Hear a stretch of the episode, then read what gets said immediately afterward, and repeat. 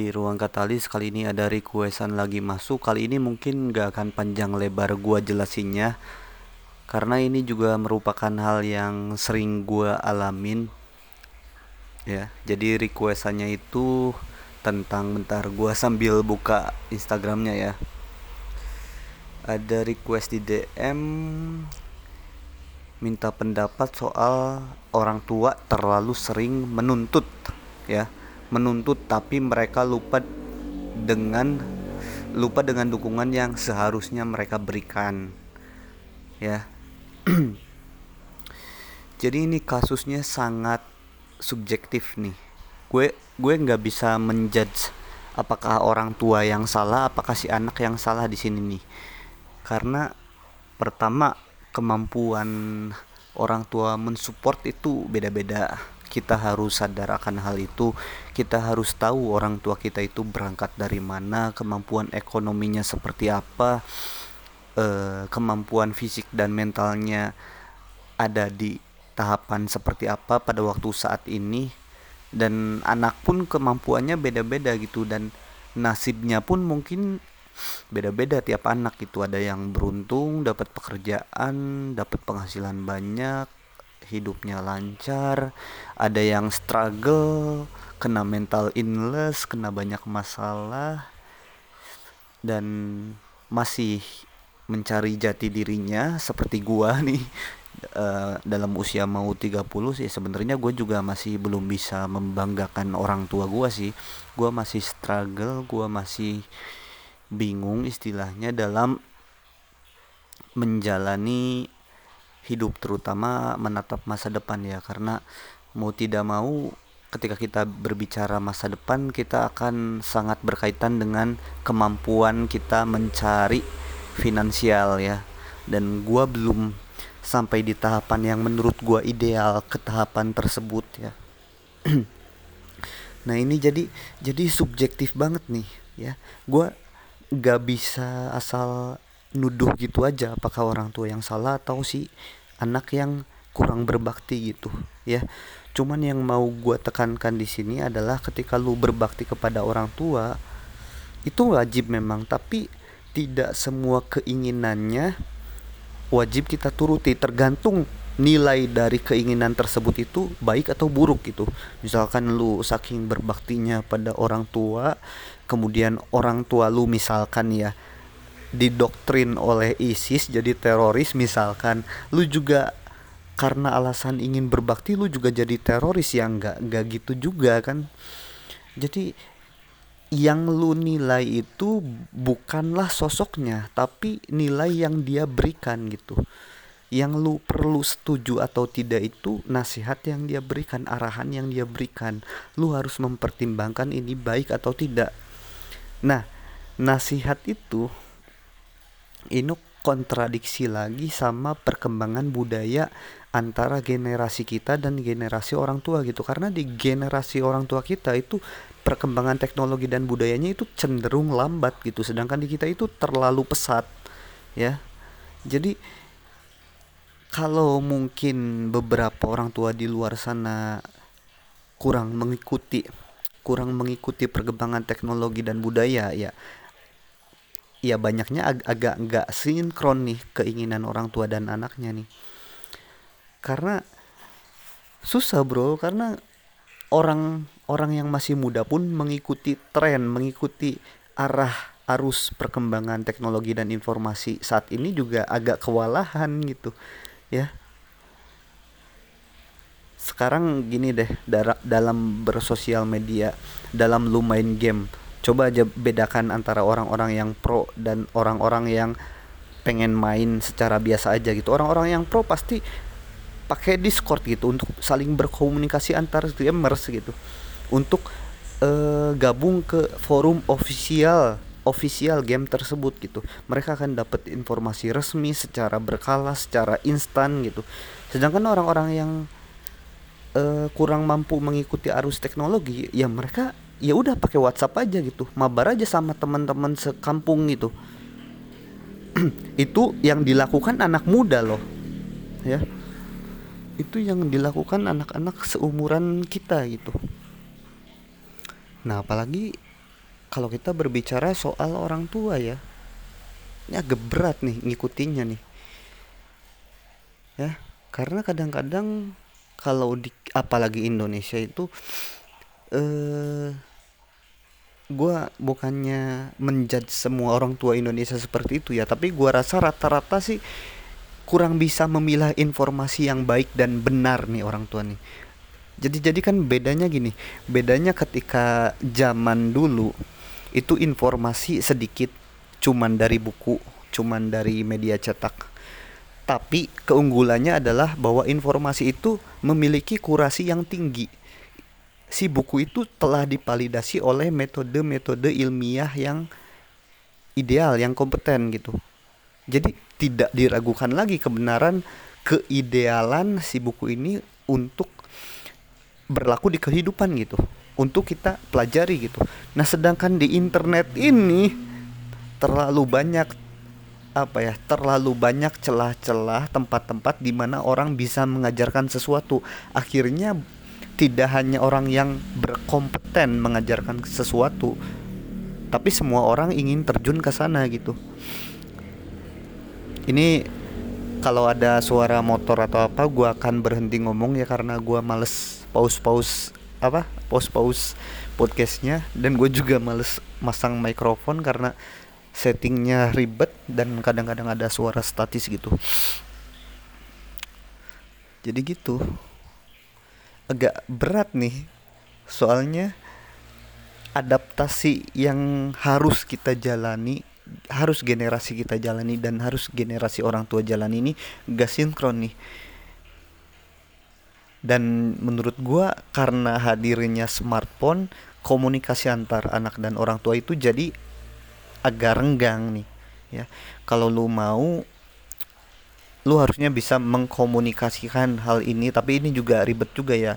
Lu harus menjabarkan bagaimana uh, pesatnya perkembangan era teknologi sekarang itu lebih jauh lebih pesat daripada perkembangan teknologi dulu gitu. Kan dulu misalkan 10 tahun uh, kita komunikasi lewat pos lewat surat berpuluh-puluh tahun baru kemudian ketika uangnya sudah memadai kita bisa beli handphone. Itu juga lewat SMS dari SMS itu berpuluh-puluh tahun lagi menuju ke PDA gitu.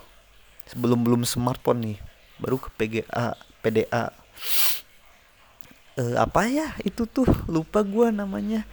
Ya pokoknya kayak apa ya kayak email tapi lewat handphone handphone canggih sebelum smartphone gitu. Lupa gua namanya. Nah setelah SMS setelah era SMS itu kan ada era itu gitu. Itu tuh lama gitu. Itu tuh transisinya lama. Lah sekarang coba. Sekarang udah gila banget bro. Sekarang setiap bocah katakanlah eh, sekali berbocah SMP mereka bisa sudah bisa menggunakan WhatsApp bisnis. mereka sudah bisa mengatur botnya sendiri. Bahkan untuk umuran gua mungkin orang yang berbisnis konten di Telegram udah banyak itu. Ya, mereka udah bisa ngatur bot Telegram seperti apa, eh arsip-arsip linknya bagaimana mengaitkannya gitu. Bahkan mungkin beberapa yang suka upload video maaf ya video yang 18 plus yang uh, disebar di forum-forum atau di Twitter-Twitter mereka kan banyaknya seumuran gua atau lebih rendah umurnya daripada gua gitu. Ya so, milenial lah. Mereka udah ngerti caranya apa tuh meling apa sih namanya mengiklankan linknya gitu. Ya itu kalau diajarin ke orang tua waduh susah bro. Kalau diajarin tuh panjang. Nah dari sana saja kita melihat sebuah fenomena bahwa pandangan kehidupan kita ini udah berbeda nih ya. Dan kebanyakan maaf ya kebanyakan orang tua di kita itu masih tertanam di otaknya adaptasi yang mereka jalani di generasi mereka muda gitu. Jadi mereka itu inginnya lambat, mereka itu inginnya melakukan hal-hal yang biasa mereka anggap aman. Misalkan misalkan orang tuanya selalu pengen anaknya untuk menjadi pegawai negeri atau yang aman-aman aja deh yang pasti-pasti aja yang gajinya pasti gitu yang dijamin masa tuanya. Nah sekarang kan anak-anak kita beda bro. Anak-anak kita yang ditonton apa? Turnamen Mobile Legend ya M4 gitu. Mereka lihat wah ini main game doang nih tapi duitnya miliaran gitu. Kerjanya enak banget gitu. Jadi meskipun ya susah banget menuju ke arah sana tapi kalau yang punya bakat dan memang niat gue rasa akan terjadi perdebatan dengan orang tua yang belum bisa beradaptasi dengan pesatnya arus teknologi informasi sekarang gitu dan perdebatan pun tidak sepenuhnya salah sih. Tergantung subjektivitas itu sendiri dan situasi serta kondisi ya. Makanya gue nggak berani menjudge siapa yang salah siapa yang betul gitu.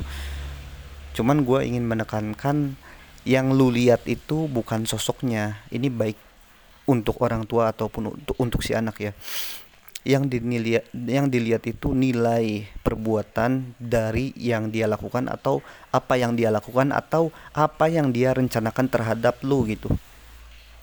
Itu lu harus lihat gitu. Kalau misalkan lu gak bisa ngelawan gimana? Nah itu juga susah tuh. Karena gue juga gue juga sekarang tuh ada di kondisi yang gue pengennya 100% bisnis tapi ternyata tapi ternyata dagang itu nggak nggak semudah yang gue kira sebelumnya gitu. Ternyata gue bisa bangkrut bisa minus ya. Dan ya gitu. Ya akhirnya gue saat ini mencari pekerjaan gitu. Untuk apa? Untuk menghidupi gua gitu untuk menghidupi gua untuk menghidupi ruang katalis untuk mengembangkan yang gua suka gitu. Ya tapi gua tetap punya idealisme ide, ide aduh idealisme tersendiri sih bahwa ketika gua sudah mampu nantinya gua sudah bisa membiayai ini itu gua akan buka bisnis di mana bisnis itu uh, akan menjamin ketika gua tidak jadi orang kantoran pun gua hidup dari sana gitu. Gua ada mimpi ke arah sana ada keinginan kuat ke arah sana gitu.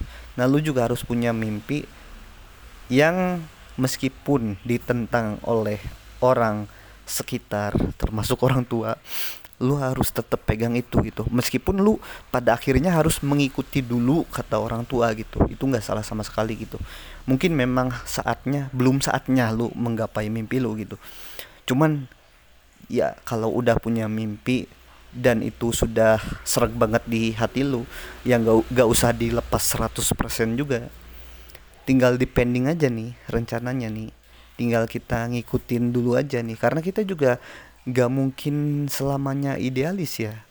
Karena kita juga pasti butuh makan pasti butuh minum pasti but kebutuhan-kebutuhan itu tiap usia meningkat pasti meningkat tiap ada passion baru pasti meningkat tiap ada mimpi baru pasti meningkat gitu. Jadi terus meningkat gitu kebutuhan itu.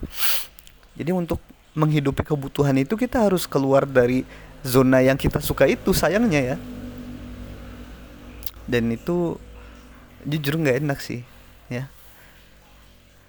Gue juga suka mikir gitu suka berandai-andai sambil menitikan air mata anjing lebay gue juga suka mikir andai ruang katalis ini udah besar udah punya iklan udah punya kerjasama dengan artis ini itu sudah banyak orang-orang yang beli kelas premium gitu. Maksudnya tidak hanya banyak tapi sudah bisa meraup orang-orang baru secara mudah gitu. Gue punya mimpi ke arah sana gitu. Ya makanya lu join kelas premium anjir gue punya mimpi ke arah sana sehingga apa ya? Ya gue ingin banget sih ingin banget gue tuh sebagai penghasil pekerjaan orang lain gitu bukan gue yang nyari kerja gitu. Itu itu bener-bener impian gue gitu. Ya gue ingin forum ini semakin besar. Nanti kalau udah besar mungkin nanti ada editornya mungkin ada admin adminnya yang gue rekrut gitu gue gaji per bulan. Gue gaji ketika dia mendapatkan member baru di kelas premium misalkan ketika dia mendapatkan member untuk konsultasi gue gaji gitu. Cuman ya kenyataannya mau tidak mau gue harus terima bahwa ruang katalis ini terlalu kecil untuk gue jadikan apa ya untuk gue jadikan pegangan hidup gue saat ini gitu. Ya secara materi pemasukan itu terlalu minus. Gue fokus pada ruang katalis doang gitu. Makanya sekarang gue menuruti dulu kata orang tua untuk mencari pekerjaan gitu. Ya. Dan ini harus selalu gue pegang nih ketika gue punya duit tuh itu bukan hal yang mudah juga tuh ketika kita punya duit tuh. Kita harus bisa menyisihkan separuh duit kita. Kan gue ngomong gini gampang ya tapi ketika gue pegang duit beda lagi nih ceritanya gue harus bisa menyisihkan sebagian duit gue itu untuk ruang katalis gitu untuk beli mic yang bagus untuk beli uh, apa mixer audio yang proper supaya podcastnya tambah bagus atau bahkan untuk menyebarkan podcast ini ke iklan atau bikin akun YouTube atau bikin podcast yang ada videonya gitu. Kan gue butuh kamera butuh penyimpanan butuh wifi. Sekarang aja gue upload upload podcast masih pakai data seluler gitu. Ya jadi ya seenggaknya seenggaknya gue ada ada arti dalam hidup yang sedang gue jalani lah.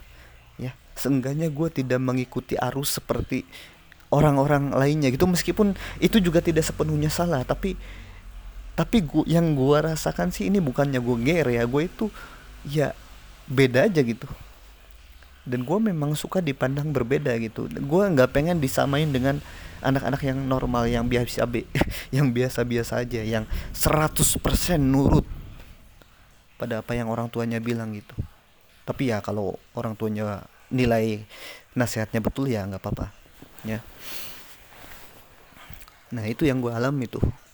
Jadi makanya ketika ada yang bertanya seperti ini gue masih apa ya gue 50-50 tapi yang bisa gue tekankan sih uh, yang lu harus lihat itu nilai dari perintahnya nilai dari nasihatnya nilai dari arahannya. Bukan siapa yang memerintah siapa yang mengarahkan ya dan siapa yang menasehati bukan itunya gitu. Tapi nilainya cocok nggak di diri lu? Bisa nggak lu ngikutin gitu ya atau ketika lu tidak mengikuti dan mengikuti hobi lu atau passion lu atau kegemaran lu bisa nggak kegemaran lu itu menghidupi lu gitu? Nah ini kan kontradiksi lagi ya. Itulah tantangan hidup gitu. Menjelang usia 30 gue sekarang mau 28 nih ya. Gue banyak jujur sih gue kali ini gue lagi banyak pressure tentang pemikiran gue soal finansial gue ke depannya kalau kalau gue tapi sayangnya gue bukan entah ini anugerah entah ini bencana nggak tahu ya. Kayaknya anugerah sih. Gue itu tidak bisa mengaitkan masa depan terlalu lama di otak gue gitu. Jadi gue khawatir masa depan oh ya nanti gue gini gue gini gue ini lima menit kemudian gue enjoy lagi gitu. Gue pikirin postingan apalagi berikutnya gitu. Entah ya ini tipe individu atau emang gue bisa berpikir dengan cara seperti ini gitu. Tapi gue gak lupa soal masa depan tentunya. Gue juga pikirin gue juga berencana gue juga berusaha dan berdoa tentunya ya. Ya jadi gitu sih. Ya. Harus bisa memilah-milah. Kan gini bro. Uh, ketika kita lahir nih ya ketika kita lahir pengetahuan pertama yang bisa kita terapkan adalah membedakan. Ya ketika kita lahir pengetahuan pertama yang kita dapat adalah cara membedakan dan cara membedakan yang pertama yang kita bisa adalah kita membedakan antara diri kita dan bukan diri kita. Diri kita dan yang di luar diri kita gitu ya. Itu sebenarnya dari awal lahir kita udah sadar mana yang bisa kita kontrol mana yang tidak bisa kita kontrol gitu tapi semakin ke sini semakin bertambahnya usia akibat kontaminasi hubungan pertemanan hubungan masyarakat konstruksi sosial dan lain sebagainya makanya kita sering berusaha untuk mengontrol faktor eksternal gitu.